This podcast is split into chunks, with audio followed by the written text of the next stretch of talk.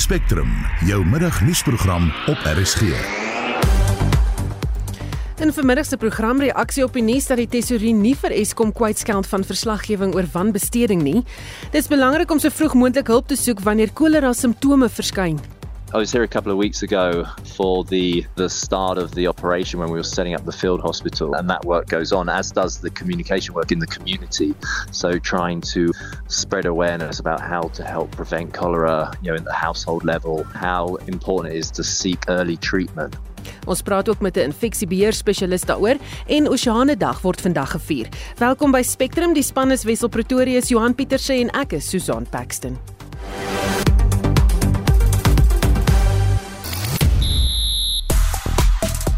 In jou sportnuus vanmiddag, 'n deurslaggewende Karibeker wedstryd môre tussen die Griekwas en die Pumas en die jongste van die Franse Ope tennistoernooi. Nou vandag is Wêreld Oseaan Dag. Dit is veral die wêreldwye stryd om kwynende visbronne wat aandag trek. Daarom is daar die Suider-Afrika Volhoubare Seekos Inisiatief of SASSI. Dis 'n gis wat vissoorte as groen, oranje of rooi klassifiseer. Rooi is te skaars om te eet. Daar is vissoorte wat eintlik nie meer op ons borde verskyn nie, so salm, kreef, perlemoen en sekere soort stompneus, steenbras en kabeljou. En die vis op die winkelrakke raak ook al duurder. So hoe raak dit jou? Veral as die dokter sê jy moet meer vis en minder rooi vleis eet. Uh, wat doen jy? Eet jy die vis? Koop jy die diervis? Praat gerus saam op die RSG Facebookblad. Dit is nou 6 minute oor 12. Jy luister na Spectrum. In soos jy vroeër in die nuus gehoor het, het die minister van Binnelandse Sake, Aaron Motsoaledi, besluit om die spesiale vrystellingspermitte vir Zimbabweërs wat die einde van die maand sou verval, met nog 6 maande te verleng. Dit sal nou tot 31 Desember geld. Motsoaledi se opdrag in die verband sal vandag in die Staatskoerant gepubliseer word. Hy het leidens 'n verklaring 'n aantal faktore in aanmerking geneem, insluitend 'n beduidende aantal nuwe aansoeke vir visums en kwytskeldings. Die direkteur-generaal van die departement het intussen meer amptenare ontplooi om die groot aantal aansoeke te verwerk. Ons praat nou met die menseregte prokureur Richard Spoor. Goeiemôre Richard. Goeiemôre Susan. Los die uitstel die probleem op. Nee, dit stel dit maar uit. Ehm um, so ons sit met die daar duisende persone wat uh, al jare hier bly en woon en werk en sake en besighede aan die gang kan bring het. Hulle vrouens, hulle kinders en uh, ses maande van nou staar ons weer hierdie probleme in die gesig wat om die mense te doen gaan ons hulle onwettig verklaar en uh, arresteer en uit die land gooi of gaan ons 'n ander uh, oplossing vir die probleem soek ek glo daar moet seker baie diplomatisiese en ekonomiese druk wees op die minister om dit uit te stel. Maar net as jy ag jy tot menslike oorwegings is, is hierdie planne nie rasionaal, dis nie menslik nie. So ek kan nie sien hoe dit in in ses maande se tyd enigiets anders gaan wees nie. Ek wou nou vir jou vra, gaan die regering voort met die plan of is die aanhoudende uitstel 'n teken dat hulle die saak heroorweeg? dit lyk vir my asof daar hulle dit heroorweeg. Ehm um, dit is mens en sins ondenkbaar dat hulle die ding tot uitvoering sou neem, sou vat. Hulle het nie die vermoë om dit te doen nie. En die uh, die, die die dit dit sou bloot en menslik wees. Dit sou hierdie persone openbaar aan arrestasie ehm um, uitbuiting uh, eksploitasie van van die eerste graad. Dit is ek kan dit nie insien hoe gaan hulle dit dan deurvoer. Dit is populistiese politieke druk wat op die minister is om van buitelanders ontslae te raak. Ehm um, weet jy om om werk te skep vir Suid-Afrikaners, maar weet jy daai daar is geen uh, rasionaal uh, basis daar agter nie. En um, dit is bloot populisme wat hy gedurig dreig om mense uit te sit. Ek kan nie sien hoe gaan dit doen. Hmm. En wat net ter agtergrond, uh, jy weet hoekom die optrede deur die regering in die eerste plek? Ehm um, hierens, dis die populistiese druk. Daar is die gevoel dat hierdie 180 wat duisend Zimbabweërs Suid-Afrikaners van hulle werk ontneem en uh, dit 'n uh, uh, bron is van werkloosheid. Dit is egter nie die geval nie. Ehm um, die die oorweldigende meerderheid is uh, produktief. Die lede van ons gemeenskap, hulle dra by deur hulle werk, deur die sake wat hulle geskep het, hulle bedrywe in bydra aan die ekonomie en die gemeenskap en hulle aan, dra by tot 'n werk ehm um, werksgeleenthede. Dit neem nie van Suid-Afrikaners werksgeleenthede weg nie. Ehm um, maar daar bly hierdie populiste idee dat hulle ons werk, ons Suid-Afrikaners van ons werk ontneem. Ehm um, en dat as hulle weg is, dan gaan 180 000 Suid-Afrikaners ehm um, nou werk kry of besighede kan skep wat tot nou toe deur hierdie Zimbabweërs van ons ontneem is. En dit is waansinnige idees daai. Baie dankie dit was die menseregte prokureur Richard Spoor. Die onlangse afgedankte direkteur-generaal van die Departement van Openbare Ondernemings, Kagatso Tlakudi het 'n beroep op parlementslede gedoen om 'n onafhanklike ondersoek in te stel na die verkoop van die Suid-Afrikaanse lugdiens aan die Takatsu Konsortium en die rol van minister Pravin Gordhan. Tlakudi het voor die Parlement se Openbare Ondernemingskomitee verskyn en beweer dat die transaksies verskeie onreëlmatighede bevat. Zelin Merrington berig. Die voormalige direkteur-generaal van Openbare Ondernemings, Gatatso Tlakudi, sê hy het in mediaberigte verneem van sy ontslag. Yes, the letter of dismissal I have not received it. Hy het weer herhaal dat SA verkoop is verminder as wat dit werd is.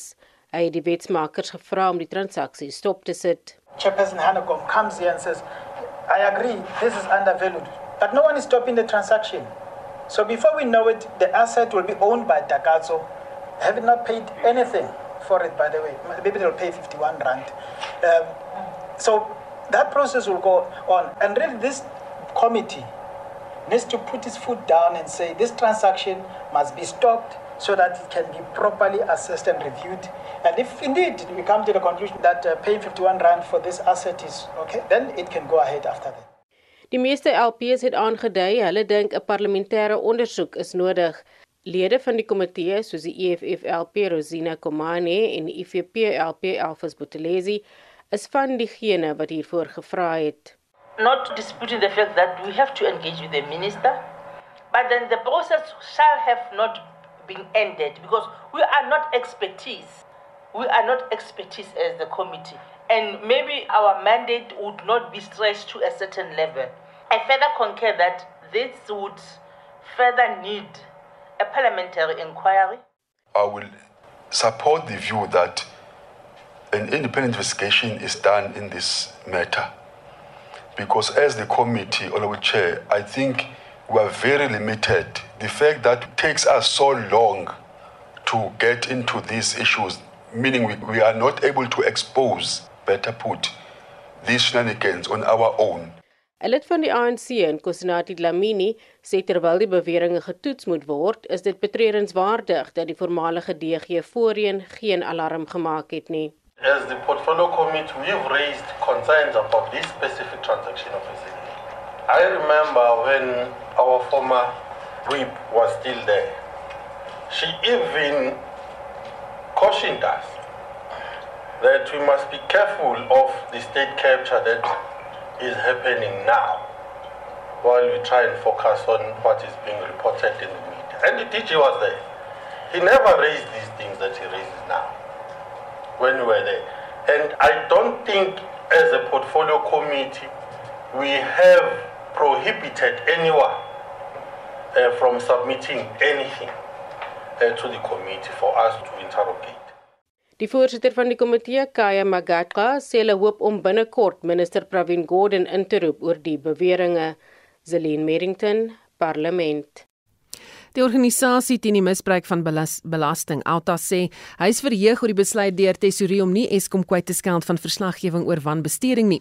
Tesorie het gesê geen vrystelling word verder aan Eskom toegestaan om daaroor in sy finansiële state verslag te doen nie tot hy korrupsie opgeslaan het nie. En ons praat nou met advokaat Stefanie Fik van Alta. Oor goeiemôre Stefanie. Goeiemôre Susan.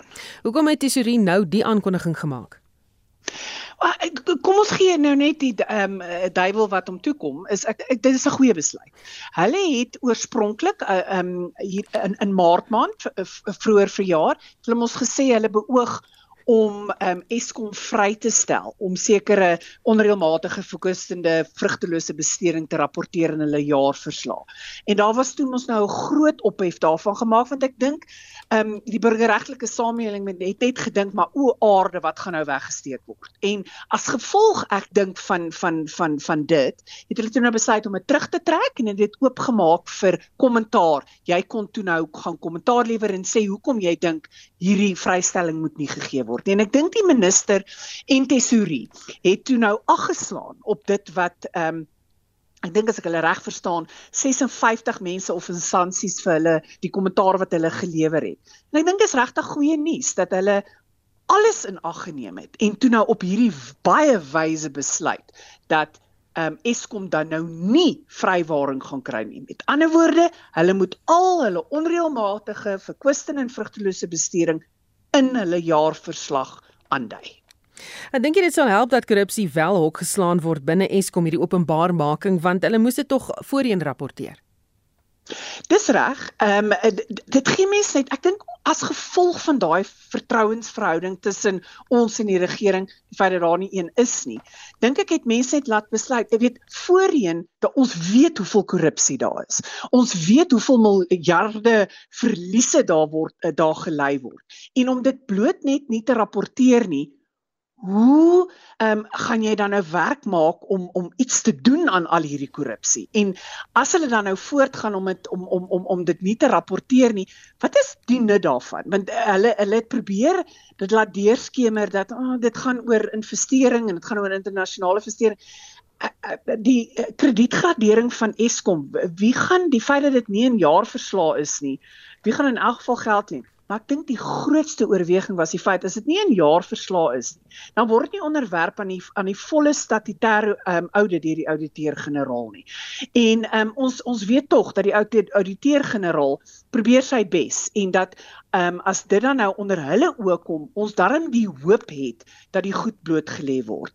Um, maar as dit soort van weggesteek word, Ehm um, nee. So hierdie hierdie openbaarmaking is goed. Deursigtigheid is is is altyd goed en ehm um, ek dink wat die minister ook baie belangrik gesê het is dat die bestuur van Eskom uit hulle pad uit nou moet gaan om korrupsie en wanbestuuring en al daai uit die weg te ry. Baie dankie. Dit was advokaat Stefanie Fik van Alta.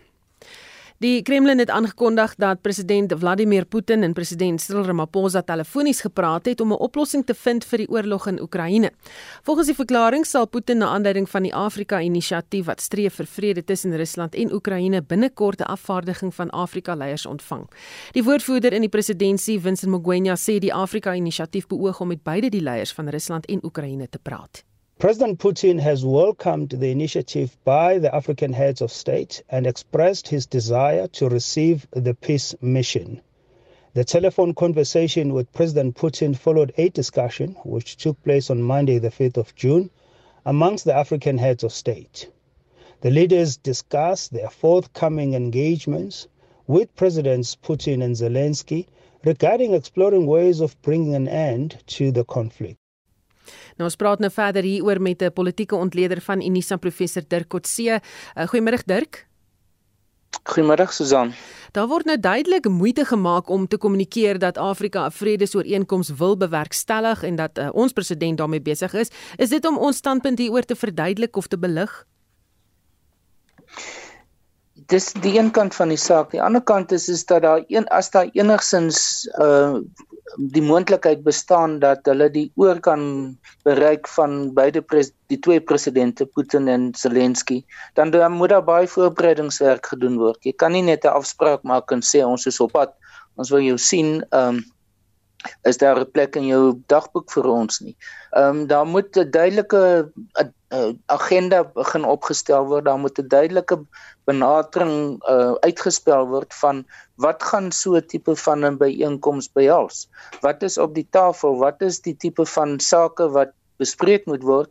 Hoe gaan dit benader word en wat is die moontlikheid daarvoor dat daar enigsins geluister na kan word wie moet daarbey betrokke wees? Is dit net president Putin? Is dit 'n hele afvaardiging aan albei kante? Ehm um, en ensovoorts, want dit raak nie net Suid-Afrika nie, dit raak ses Afrika lande. Dit is in 'n mate eintlik 'n 'n afvaardiging wat nie noodwendig deur die Afrika Unie saamgestel is nie, maar wat definitief hulle ondersteuning het.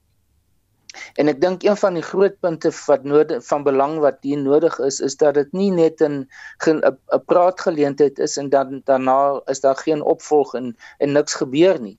Want anders gaan mense sê wel dit was maar net deur die proses gaan dit was maar net 'n openbare kommunikasieproses 'n 'n bemarkingsproses van die kant van Afrika lande maar dit het geen impak gemaak nie. So dis alles wat in die agtergrond wat hier te sprake is. En uh, president Ramaphosa sal dieselfde moet doen of probeer doen met president Zelensky om ook dis dit voor te berei vir 'n vir so 'n geleentheid waar hulle met mekaar kan ontmoet.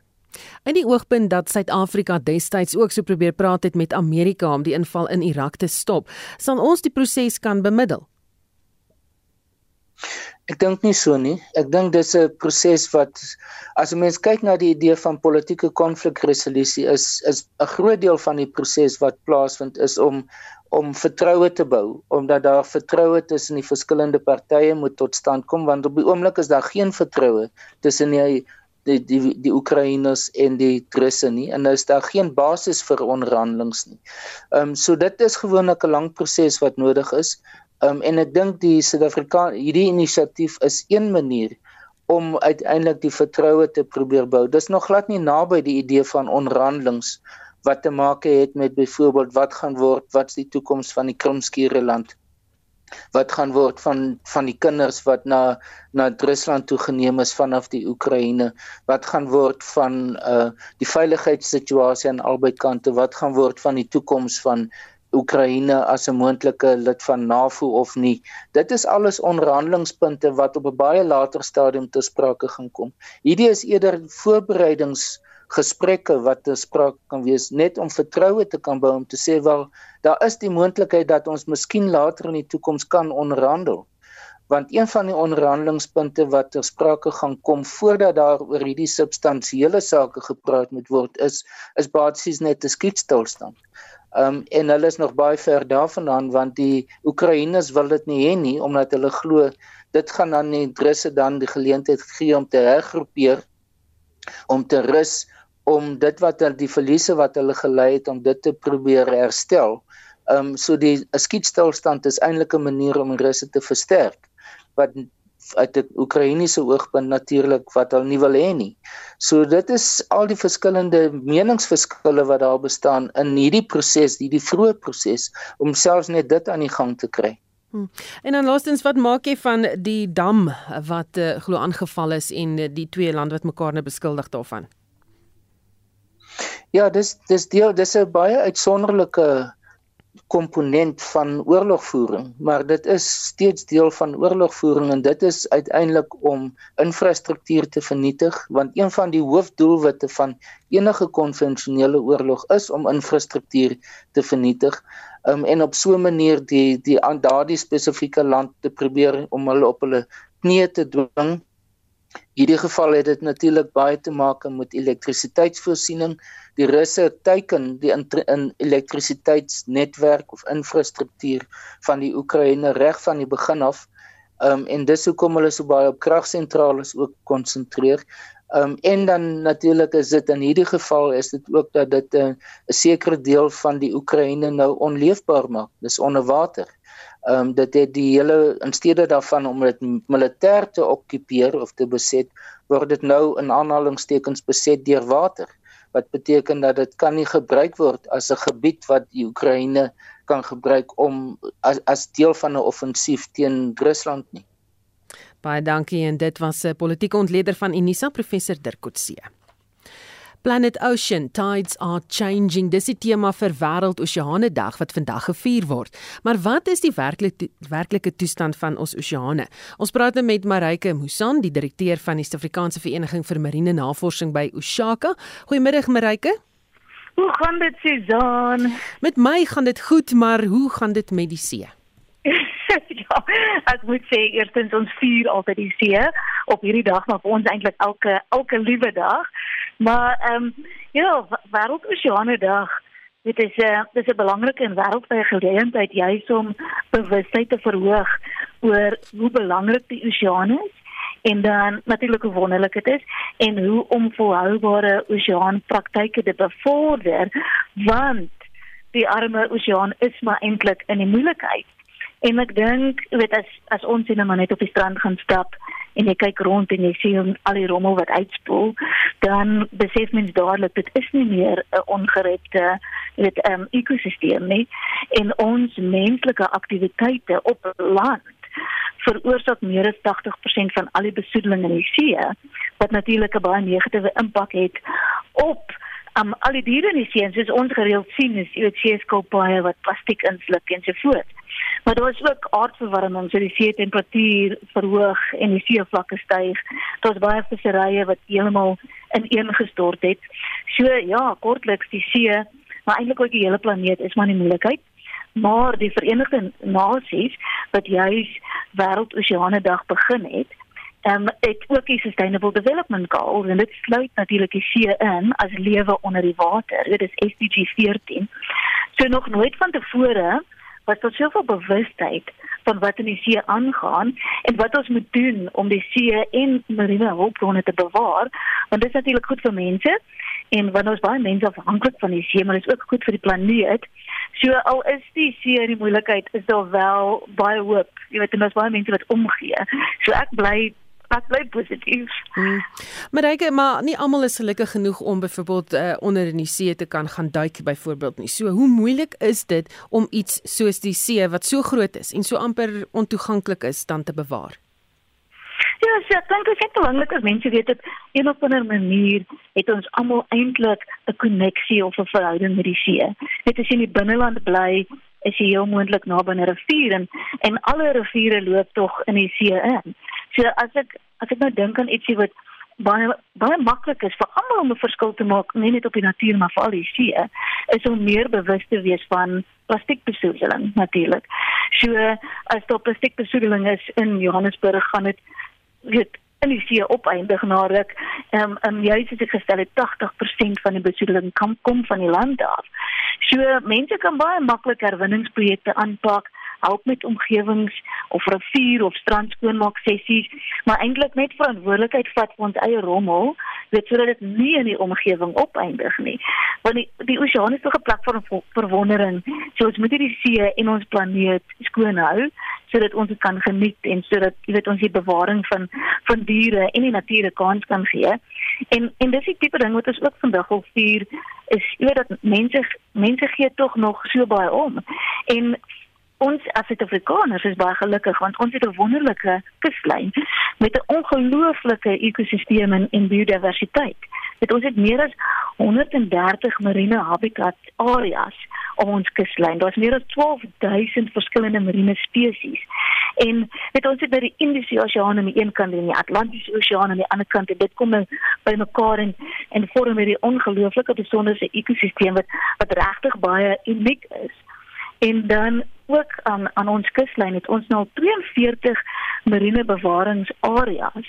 En dit is wonderlik as mense dit besoek en en probeer, jy weet, om meer te leer en meer nuuskierig te wees oor die see. Mm. En so 5% van ons ekonomies eksklusiewe sone in ons see um, word bewaar en wêreldgewys sit ons nou maar net op 1% van die oseaan wat bewaar word.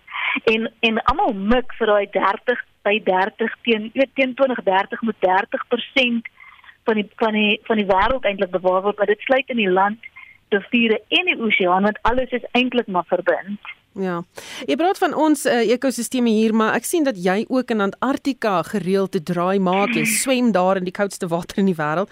Ehm um, ervaar hulle dieselfde probleme as wat ons byvoorbeeld hier aan ons kuslyn ervaar? Ja, weet jy wat dit is verskriklik um, ek mal oor Antarktika en die ys en dit is altyd baie um, spesiaal om daar te wees want jy glo tog Antarktika is is nog ongereed. Dit is dis baie goed beheer van 'n van 'n omgewingsperspektief. Maar wat mense daar sien is in 'n baie kort tydjie is hoe klimaatsverandering en en dit aardeverhitting 'n rol speel. So nog elke keer wat ek daar was, moet ons nogal innoverend wees oor hoe ons rondbeweeg want al die ys smelt die hele tyd. So mense sien dan baie minder besoedeling daar want hulle het verskriklike erge reëls om Antarktika. Alhoewel ons elke keer wat ons daar daar is, doen ons 'n skoonmaak sessie en ons stel allerlei interessante goed op wat want die wind was verskriklik daar. Kyk, dit was die droogste, koudste, winderigste kontinent op plek ooit. So as as die ys begin smelt en kry jy maar rommel en weet jy van dit is behou rommel, maar die bewustheid van volhoubaarheid daar is baie hoog want niks is maklik nie. Daar is nie elektrisiteit nie met dit opwek. Daar daar dis die droogste planeet. Daar is nie water nie. Jy moet water smelt as jy wil water hê. So so as jy as jy in so 'n omgewing is, moet jy skielik baie spaarsamer wees met alles. Dit is eintlik een van my beste volhoubare uitlesse is om in Antarktika te oorleef vir 'n rukkie, maar ag, dit is net ongelooflik wonderlik daar. Baie dankie en dit was Marike Muson, die direkteur van die Suid-Afrikaanse Vereniging vir Marine Navorsing by Ushaka wat haar ervarings met ons gedeel het.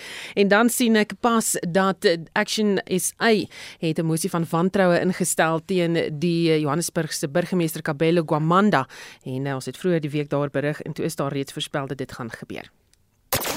Jy luister na Spectrum op RSG. In die tweede helfte van die program die jongste nuus van die Franse oop af en 'n uh, infeksiebeheer spesialis gee raad oor kolera. Bly ingeskakel.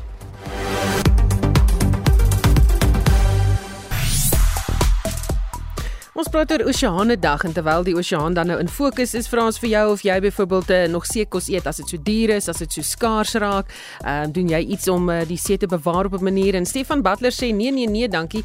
Ek het glad nie vis nie, het nog nooit en sal ook nooit nie. Ek's 'n plaaskind. Ek ken van vleis en groente, sê hy. En dan nog 'n luisteraar wat sê is Nebo Pilati sê vis is te duur. Ons eet sommer enigiets. Dit hoef net so bietjie soos vis te lyk, dan eet ons dit. Mense kan nie reg bekostig nie. Noem dan dan doen ons nou maar die fake vis sê hy vir my. Dankie dat jy saamgesels het Nebo. Ek sien jy het ook so 'n bietjie genoem oor die uh, Kremlin en uh, die gesprekke tussen Suid-Afrika en ons. En uh, ja, ek hoop jy het geluister na die storie so 'n bietjie vroeër daaroor. 'n Reuse Karibeker rugby stryd word môre middag in Kimberley verwag wanneer verlede jaar se finaliste, die Griekwas, gasheer speel vir die verdedigende kampioene die Pumas. Dis albei spanne se laaste groepwedstryd en ook 'n moedwen kragmeting vir albei en Diesel Olivier doen verslag. Maar Griekwas was die laaste paar weke indrukwekkend. Hulle het die Westelike provinsie en Griffins geklop en gelykop gespeel teen hulle bure, die Cheetahs. Die Pau Bloues fokus egter nie veel op verlede jaar se eindstryd nie. Ek dink nie dit is regtig eers 'n punt om aan te raak met ons spelers nie. Ek dink daar's nie iets sielkundig nie. Ons het een wedstryd verloor en ons het nie goed gespeel uit daai nie en dis agter ons. Ons het die hele nuwe agterry. Ek dink is net George Whitehead en Obi wat in daai finaal gespeel het wat in die agterlyn is. Voor Karl Els was beseer. Daarbo nie man het nie gespeel nie. Dylan Schoblom het nie gespeel nie. So dis nie vir ons 'n groot ding nie. Berg sê hy glo al die druk is op die Pumas. Ek dink as verdedigende kampioene is al die druk op hulle waar hulle was vroeër in die seisoen Niemand het ons ooit 'n kans gegee nie. Nou speel ons goeie rugby, ons het lekker momentum. As ons nie wen nie, dan is dit baie uh, stappe vorentoe gegee hierdie seisoen. Berg het net een verandering aan sy span gemaak wat WP verlede naweek ore aangesit het. Die vaskopstit Janu Botha het van sy elmboogbesering herstel en vervang Justin Forward. Kayabod Lamini en Forward gaan op die plaasvervangerbank begin. Om hulle al drie betrokke te kry is goed. Ons kan Kebo loskop en vaskop speel. So ons kan 'n bietjie rondspeel met ons kombinasies wat lekker is.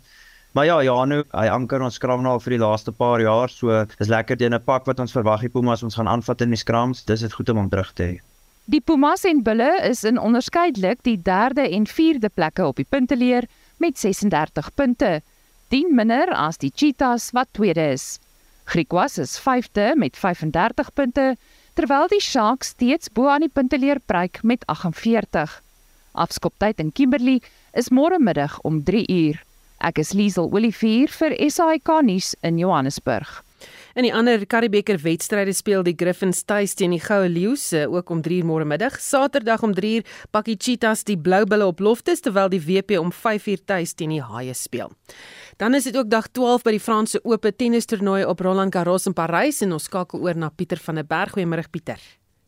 Middag sê Susan, ja, dag 12 soos jy sê, daar was 128 mans in die enkelspel en 128 vrouens in die enkelspel toe die toernooi begin en nou is daar net 4 mans en 4 vroue oor en uh, weer eens 'n mooi dag 28 grade en uh, min wolke en so 13 km/h wind wat waai en vandag is natuurlik vroue half eindag. Maar kom ons kyk na net kortliks wat het gister gebeur met Suid-Afrika.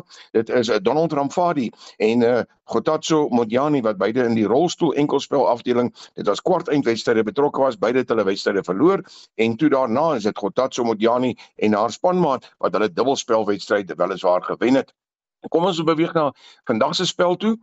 Daar's reeds een wedstryd voltooi en uh, dit is een van die legende wedstryde Kim Kleisters en Caroline Wozniacki. Hulle het vir Penetta en Giovanni geklop met 6-4 en 6-2. Nou wat vandag se spel betref op die oomblik uh, op die hoofbaan spel dit is om 12 uur begin is dit die gemengde dubbelspel eindstryd wat gespeel word en dit is uh, Kaito en Pohets wat uh, speel teen Andriesco en Venus en dit is Kaito en Pohets wat die eerste stel voorloop met 'n 4-2 en uh, daardie wedstryd nou besig met ander woorde in die sewende pot van die eerste stel 25 minute aan die gang. Daarna natuurlik vanmiddag om 3 uur die eerste van uh, die vroue halfeindwedstryde Karolina Mugova van uh, die Tsjechiese Republiek sy gaan speel teen die tweede gekeerde Arena Sabalenka en dit word dan gevolg deur die wedstryd Iga Swiatek wat te staan kom teen Beatrice Haddad Maya die 14de gekeerde. So wat eh, die 'n volgorde dan betref dis eers Mushawa teen Sabalenka en dan Swiatek teen Haddad Maya. In eh, die vroue afdeling dan, dis die vier eh, spelers daar wat deur is na die halfeind toe. Ons moet net kyk na die mans. Dit is môre die mans halfeindwedstryde en uh, ja, almal sien uit na Carlos Alcaraz die eerste gekeerde wat teen Novak Djokovic op die baan gaan stap. Hy's derde gekeer en uh, in die ander halfeind Casper Ruud die vierde gekeerde wat uh, te staan gaan kom teen Alexander Zverev om te kyk hy's 22ste gekeer wie daar gaan deurdring na die eindstryd. Dit is 'n baie interessante dag wat voorlê. Vandag, môre, Saterdag en Sondag. Natuurlik maak al Sondag klaar Susan, dan is dit die eindstryd van die mans, die vroue eindstryd is reeds 'n uh, Saterdag. Ons gaan deur die loop van hierdie 3-4 dae ons luisteraars soos die afgelope 10 dae op hoogte hou van gebeure, maar daarmee is terug na jou in die Spectrum Ateljee in Johannesburg. Baie dankie en dit was Pieter van der Berg met die jongste oor die Franse Ope. 1236 die, die verwoestende veldbrande wat in dele van Kanada woed hou 'n groot risiko in vir mense se gesondheid. Die brande het die owerheid in die land gedwing om waarskuwings oor swak luggehalte uit te reik.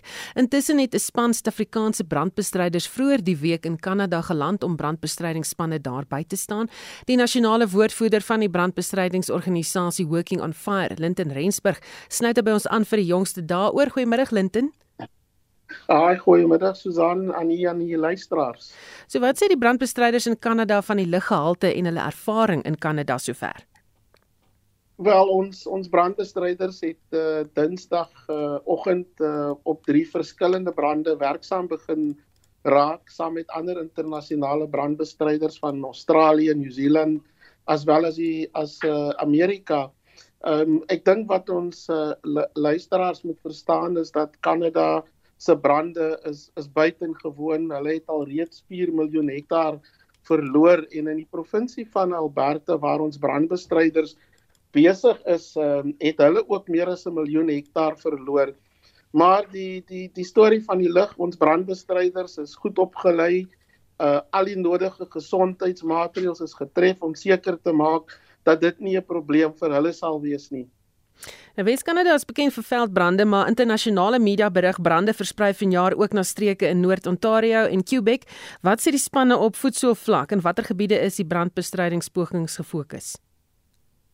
Wel vir vir vir ons op die oomblik die provinsie van Alberta, dit is die provinsie wat die meeste brande tans het in in Kanada.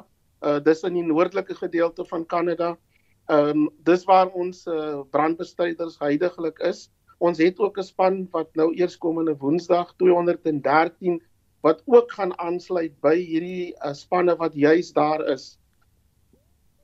En sê van Suid-Afrikaanse brandbestryders is al voorheen na Kanada gestuur soos jy gesê het om te help om brande te eh, bestry. Watter ervaring, opleiding en vaardighede het 'n span nodig om daar ontplooi te word? Wel, dis ons vyfde ontplooiing. Natuurlik die belangrikste is dat ons brandbestryders moet op dieselfde vlak opgelei is. Ons het tipe 1 veld en bosbrandbestryders soos die van Kanada. Dit is die belangrikste. Dan ook in Kanada maak hulle gebruik van waterpompe en watertenke en kilometers en kilometers van waterpype wat hulle gebruik. So ons brandbestryders moet opgelei is in, in op daardie gebied en ons het voorlede week voor ons vertrek het na Kanada seker gemaak dat hulle kursusse weer doen om seker te maak dat hulle weet presies hoe om daardie waterpompe te gebruik. Maar ek dink belangrik van ons brandbestryders om op die huidige groep was 70 al juis uh, voorheen in Kanada ontplooi gewees. Uh ook die belangrik vir ons brandbestryders, ons moet die Kanadese fiksheidstoetslaag en dit is wat ons ons brandbestryders uh, getoets het in. Maar ek dink vir ons luisteraars wat ons moet verstaan, Suid-Afrika is een van die min lande in die wêreld waar ons 'n voltydse bos en veldbrand uh, spanne het. So dit het natuurlik daartoe gelei dat ons hierdie ooreenkoms het tussen Suid-Afrika en Kanada. Hmm. Baie dankie en dit was Linton Rensburg, die nasionale woordvoerder van die brandbestrydingsorganisasie Working on Fire. President Cyril Ramaphosa, die premier van Gauteng Panjasa Lesofie, die burgemeester van die Tshwane Metro Silje Brink en humanitêre organisasies soos UNICEF en die Wêreldgesondheidsorganisasie besoek Hammanskraal noord van Pretoria vandag. Kanana by Hammanskraal is die middelpunt van die kolera uitbreking in die land wat reeds die lewens van meer as 20 mense geëis het. Ramaphosa sê die uitbreking het groot trauma veroorsaak en die regering, agentskappe en nie-regeringsorganisasies doen alles moontlik om die kwessie te hanteer. Een van die agentskappe is die Verenigde Nasies se internasionale kindernoodfonds UNICEF en Estie de Klerk doen verslag. Sedert die uitbreking van kolera is UNICEF daagliks in Hammanskraal waar 'n veldhospitaal in Kanana opgerig is, sê UNICEF se hoof van kommunikasie in Suid-Afrika, Toby Fricker. The field hospital there is really essentially to help patients or people with suspected cases, you know, as soon as they show signs and symptoms and they can access the field hospital 24 hours a day and get support like oral rehydration, salt, and be referred to the hospital if the case is more serious to the Jubilee District Hospital. So we've been supporting the outbreak response since the start. I was here a couple of weeks ago for the start of the operation when we were setting up the field hospital, and that work goes on, as does the communication work in the community. So trying to spread awareness about how to help prevent cholera, you know, in the household level, how important it is to seek early treatment. En om vroeg genoeg hulp te soek nadat simptome begin het, is van kardinale belang, sê Fricker. That is one of the issues I think that some people have faced is that they've gone for care too late, you know, when they were already very severely dehydrated. And then it's very difficult to treat that. The key, you know, prevention message and what saves lives is when people can get care quickly. And sitting at home or thinking, oh, it's not too serious, you lose valuable time in terms of when you could be treated. And in fact, I was at the Jubilee Hospital last week, and the nurse was saying exactly that that she was seeing patients come in, including some of the children who had just sort of left it so late that now it, you know, it was a challenge now to be to get treatment. But others who came in you know, quite early, you can recover from cholera quite easily with the right treatment. But it's really those cases that get left for too long when you really have a life-saving issue at hand. UNICEF het verskeie handewasstasies by die Veldhospitaal in Kanana en ook by skole in die omgewing opgerig. The first thing on an issue like cholera is really that investment in water sanitation systems. And that can really stop any outbreak in the first place. But when it happens, then we also have a, a response like we have now at the field hospital to set up hand washing stations. So when people enter, they can make sure they wash their hands properly, they maintain good hygiene throughout the visit to the clinic or the hospital. And then we can also, and we are scaling up that access to safe water and decent sanitation in schools, particularly in the, the sort of where the epicenter of the cholera outbreak is, and making sure children there can at least practice good hygiene, but also importantly, the education around that. Oor die afgelope dekade is sowat 97% van kolera gevalle wêreldwyd aangemeld in lande waar water en sanitasievlakke die mees kwesbaarste was, sê Fricker. Between 2011 and 2021, we saw a big decline in cholera outbreaks globally. But what we've seen since 2021 is actually this sort of spike again in cholera cases appearing in, in different countries and in countries where we haven't seen it for a while. So you have now 23 outbreaks globally in 2023, which is a big number and is unprecedented. And that's why really we're really advocating, you know, for that investment in water and sanitation systems because it really plays a massive role in stopping outbreaks in the first place. Om gemeenskappe beter toe te rus, ook nou in terme van die kolera uitbreking en wat om te doen, maak UNICEF ook gebruik van digitale platforms.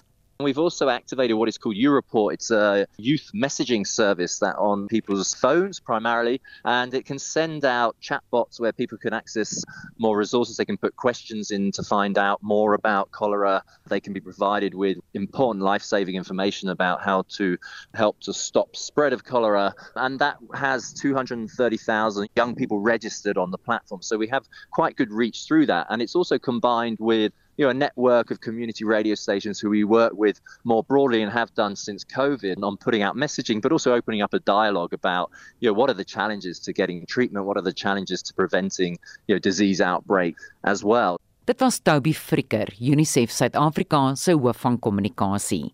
Ek is Estie de Klerk vir SAK nuus. Ons bly by die storie en praat nou met 'n infeksiebeheer spesialis aan Tygerberg Hospitaal, Dr. Jantjie Taljaard. Uh, goeiemôre Jantjie.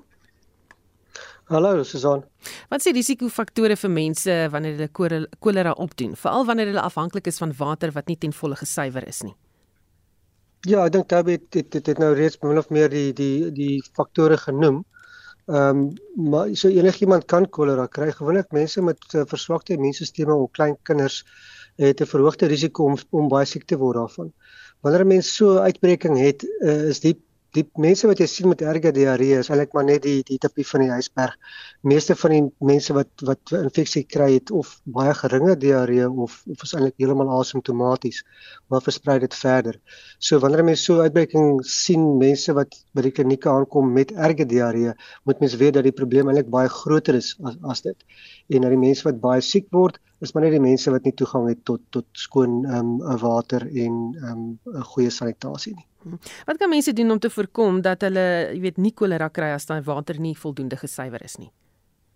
Ek dink mense moet mense moet mense inlig oor hoe hulle die water kan ehm um, skoon kry. Jy moet dit natuurlik kook, is 'n manier om water ehm um, te steriliseer. Ehm, 'n um, ander manier is om as hulle water kry, ehm um, jy kan 'n doppie 'n jig in in in 'n 20 liter water gooi. Een doppie jig in 20 liter water, dit steriliseer die water ook heeltemal en maak dit heeltemal veilig. En wat is die aanvanklike simptome waarop mense bedag moet wees en moet hulle dan onmiddellik hulp soek om eh, die dehydrasie so vinnig te weet of dit kan so vinnig gebeur? Ja ja, ek dink is dis dis dis genoem ek mens wat mense ook net moet weet is dit kolera kolera kan ook uh, aanvanklik die eerste dag of so ehm um, voordoen met met braaking en diarree. So mense moet nie dink as dit as 'n mens uh, braaking het dat dit nie kolera is nie dit kan definitief ook nog steeds kolera wees. So dit, dit baie mense val dokters kan dikwels dink dat dit al braking is, is dit meer 'n gastroenteritis en nie heeltemal 'n 'n 'n kolera nie, maar dit is dit is nie heeltemal waar nie. So ek mens moet maar altyd bedag wees dat beide van daai simptome kan voorkom. En dan ja, soos genoem is 'n mens kan tot 20 liter water binne binne 'n dag verloor wat natuurlik 5 keer meer water is as wat jy regtig in jou liggaam het. So regtig uh, wanneer 'n mens nou ongelukkig genoeg is om die erge graad van kolera op te doen, dan is dit regtig baie belangrik dat mense vinnig as moontlik uh um, by 'n plek kom wat hulle vir die regte soort van uh uh um, vloeistof kan gee. 'n Mens verloor baie elektrolyte of soutte uh, saam met jou met, met die diarree. So gewone water rehydrasie is nie goed genoeg nie. Mense het 'n uh, uh, 'n spesiale formulasie nodig wat ook die soutte bevat, veral kalium want die die rede hoekom mense met kolera doodgaan is natuurlik die erge dehydrasie maar ook saam met dit die verlies aan kalium en mense het kalium nodig om jou jou hart aan die gang te hou. Hm. Baie dankie en dit was dokter Jantjie Taljaard, 'n infeksie eh, beheerspesialis aan Tygerberg Hospitaal. Frans Geneitler, 'n welvaartbestuurder by PSG in Pretoria, sluit nou by ons aan vir jongste sake nuus. Goeiemôre Franske. Goeiemôre Susan. Op valutamarkte verhandel die rand sterker vir die tweede opeenvolgende dag op R18.91 teenoor die dollar, R20.29 teenoor die euro en R23.57 teenoor die pond. As ons kyk na kommoditeite, staan die goudprys tans op 1947 dollar per fyn ons, die platinumprys op 1024 dollar per ons en die Brent olieprys op 77 dollar per vat.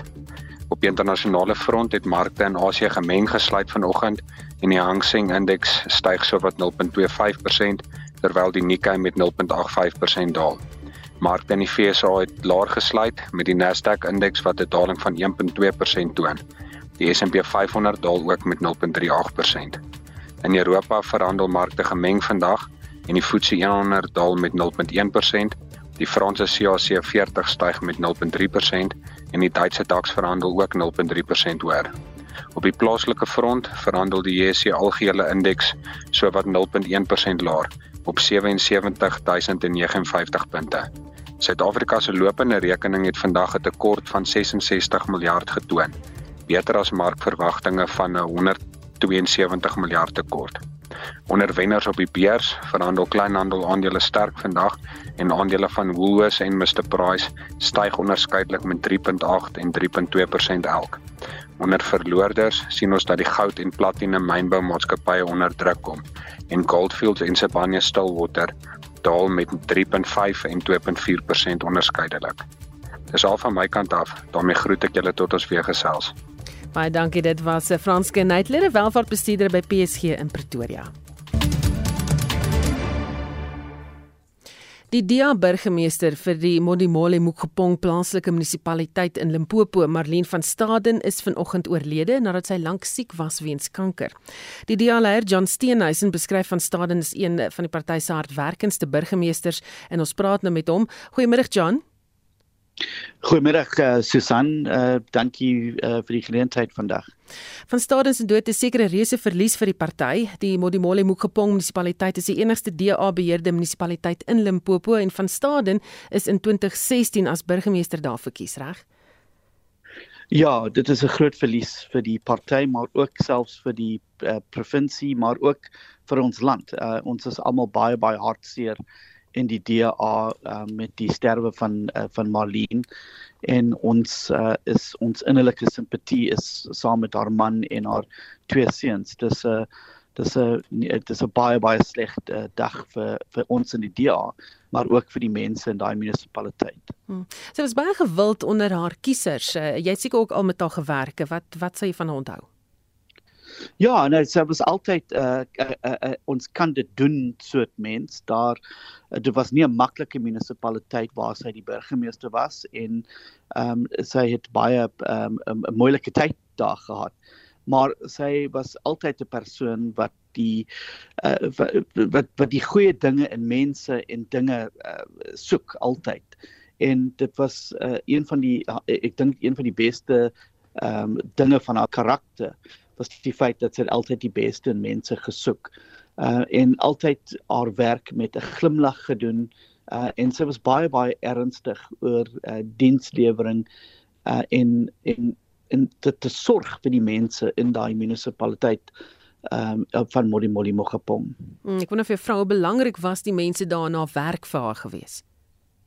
Ja, die mense was altyd die belangrikste ding. Ehm um, Marlene het uh sy sy was nie 'n uh, natuurlike politikus nie.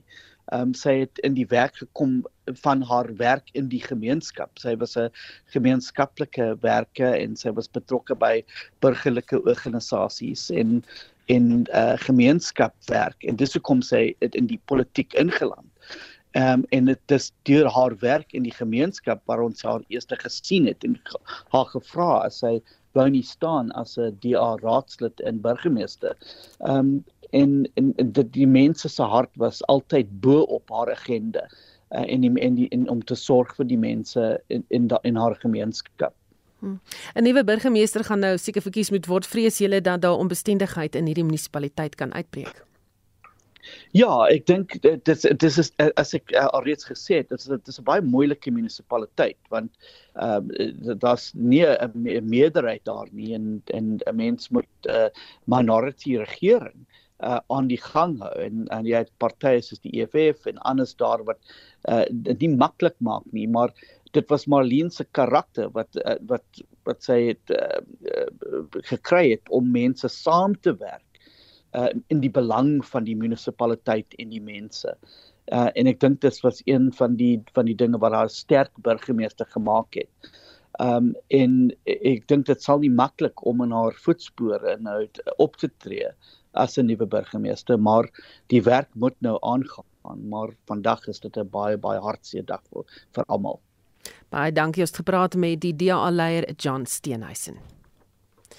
Koue en nat weerstoestande lê voor oor die volgende of lê voor oor die volgende paar dae veral vir die Wes en Noord-Kaapenaars en mense in die binneland moet ook maar hulle warmste serpe en baadjies uithaal volgende week. So waarsku die Suid-Afrikaanse Weerdiens en ons praat nou met 'n weervoorspeller van die Weerdiens in die Wes-Kaap, Henning Grobler. Goeiemôre Henning. Goeiemôre Susan en môre kan ons luisteraars. Die weerdiens waarsku al van gister af oor die koue front wat gister die Wes-Kaap en dele van Namakoland bereik het. Tot wanneer gaan dit voortduur? Ja, maar eh uh, uh, Susan, daai koue front het gisteraand hier aangegaan, uh, aangekom in die Kaap op die oomblik bewolk en koud uh, oor die grootste gedeeltes van die Noord-Kaap en die Wes-Kaap met reën en buie. Nou hierdie buie behoort seker nog vir die meeste van vandag dan nog voort te duur en dan uh, nog môreoggend uh, sal dit met ons wees en dan geleidelik teen môre middag gaan dit baie vinnig ooswaarts uit ons area uit beweeg. Bring die koue front ook reën vir daardie dele van die land? Ja, ons het al goeie neerslag gekry vir al die so in die Wes-Kaap area waar ons het omtrent so gemiddeld 15 tot 20 mm gekry. Daar's plekke wat meer gekry het. En dan sien ek daar in Noord-Kaap het dit ook begin reën met plekke wat hier rondom tussen 10, 15 en 12 mm. So ja, dit lyk vir 'n uh, uh, go uh, goeie neerslag wat wel voorkom daar oor die Noord-Kaap en die uh, sentrale binneland van die Wes-Kaap. En dan moet ons ons stal vir nog 'n uh, wyd verspreide koue front. Ja, as wat nou nie al nie genoeg gereën het hier by ons nie, maar ons klaar oor geen reën in die Weskaap nie. Ja, uh, ons het uh, nog 'n koue front wat Sondag teen ons uh, uh, gaan bereik hier teen Sondag aand se kant. Nou wat nou gebeur is voor hierdie koue front ingebreek het, ons ons gaan 'n pragtige dag Saterdag oor die hele land hê. Mooi weer en warm oral, temperature gaan vinnig herstel. Dan kom hierdie koue front Sondag aand hier by ons in die Kaap en dit gaan winderig wees, koud en nat oor Sondag na Maandag toe. Hierdie koue front gaan oor uh, oos beweeg oor die binneland al langs die kus en oor die binneland en ons verwag uit hierdie koue front uit gaan ons goeie neerslae kry. Daar self 'n kans vir sneeuneerslae wat kan voorkom. Uh temperature gaan kwai val veral oor die binneland, wel by ons in die Weskaap ook, maar veral oor die binneland. En dan hiervan maar Dinsdag se kant af gaan jy hom voel daar in Gauteng Dinsdag en Woensdag. Nou dan Woensdagoggend en Dinsdagoggend mag self bitter koud wees met julle minimum temperatuur wat baie laag gaan wees en maksimum temperature harte gaan seker hier rondom 12 grade wees. So die koue is op pad daarna julle toe omtrent teen volgende week Dinsdag, Woensdag hoort julle te weet van die koue front. Dit die reën gaan maar hoofsaaklik in die Wes-Kaap wees al langs die Oos-Kaap is uh, se grense en oorskiet daarna KwaZulu-Natal toe waar dan die reën en sneeu wat ons verwag om voor te kom.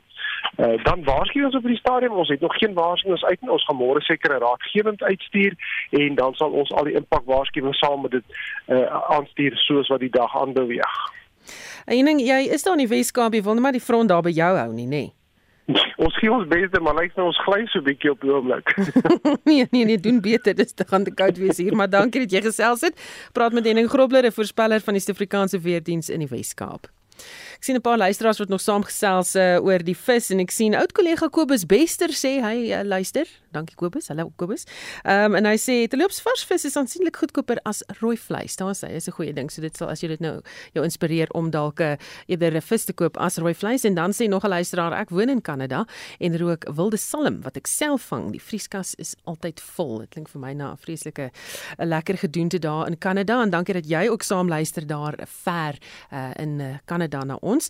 En dan sien ek nog 'n paar ouens wat saamgesels oor hierdie is eh, die Oseane dag en vis en wat hulle kan doen en baie mense wat sê maar hey, ek loop en tel papiere op hierso in die binneland sodat dit nie afspoel na die see toe nie want al daardie ehm um, vuilgoed beland dan in die see en ons wil dit nie weer sien nie. Nog iemand wat vra of mense kan swem daar in Durban na al daardie besoedeling wat daar plaasgevind het. Dis 'n goeie vraag, gaan dalk moet uitvind. Ehm um, ek weet nie of uh, ek dink dit is al oop sover ek verstaan. Ehm um, dat daardie water nou al van so 'n aard is dat jy dalk daar in Durban kan swem maar wees maar eers gaan kyk maar eers ek dink daar op die Etiquette munisipaliteit se uh, bladsy of die met metro se bladsy is daar 'n metertjie wat vir jou wys hoe staan sake daar met die waterkwaliteit.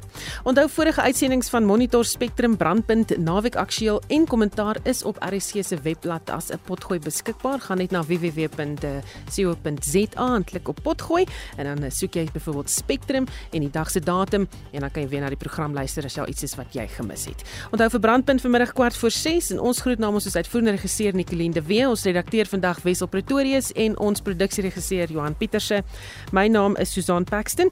Ek gaan hou nou naweek, so geniet die res van jou week en as jy naweek hou soos ek, geniet jou naweek.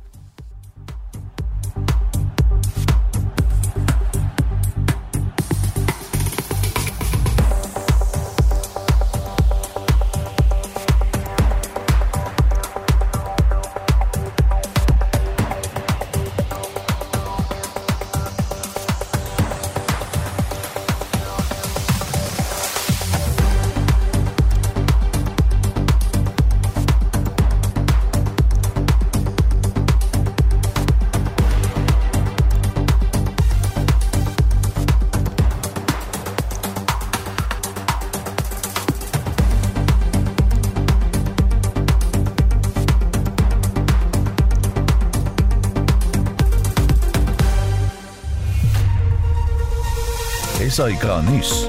Onafhanklik, onpartydig.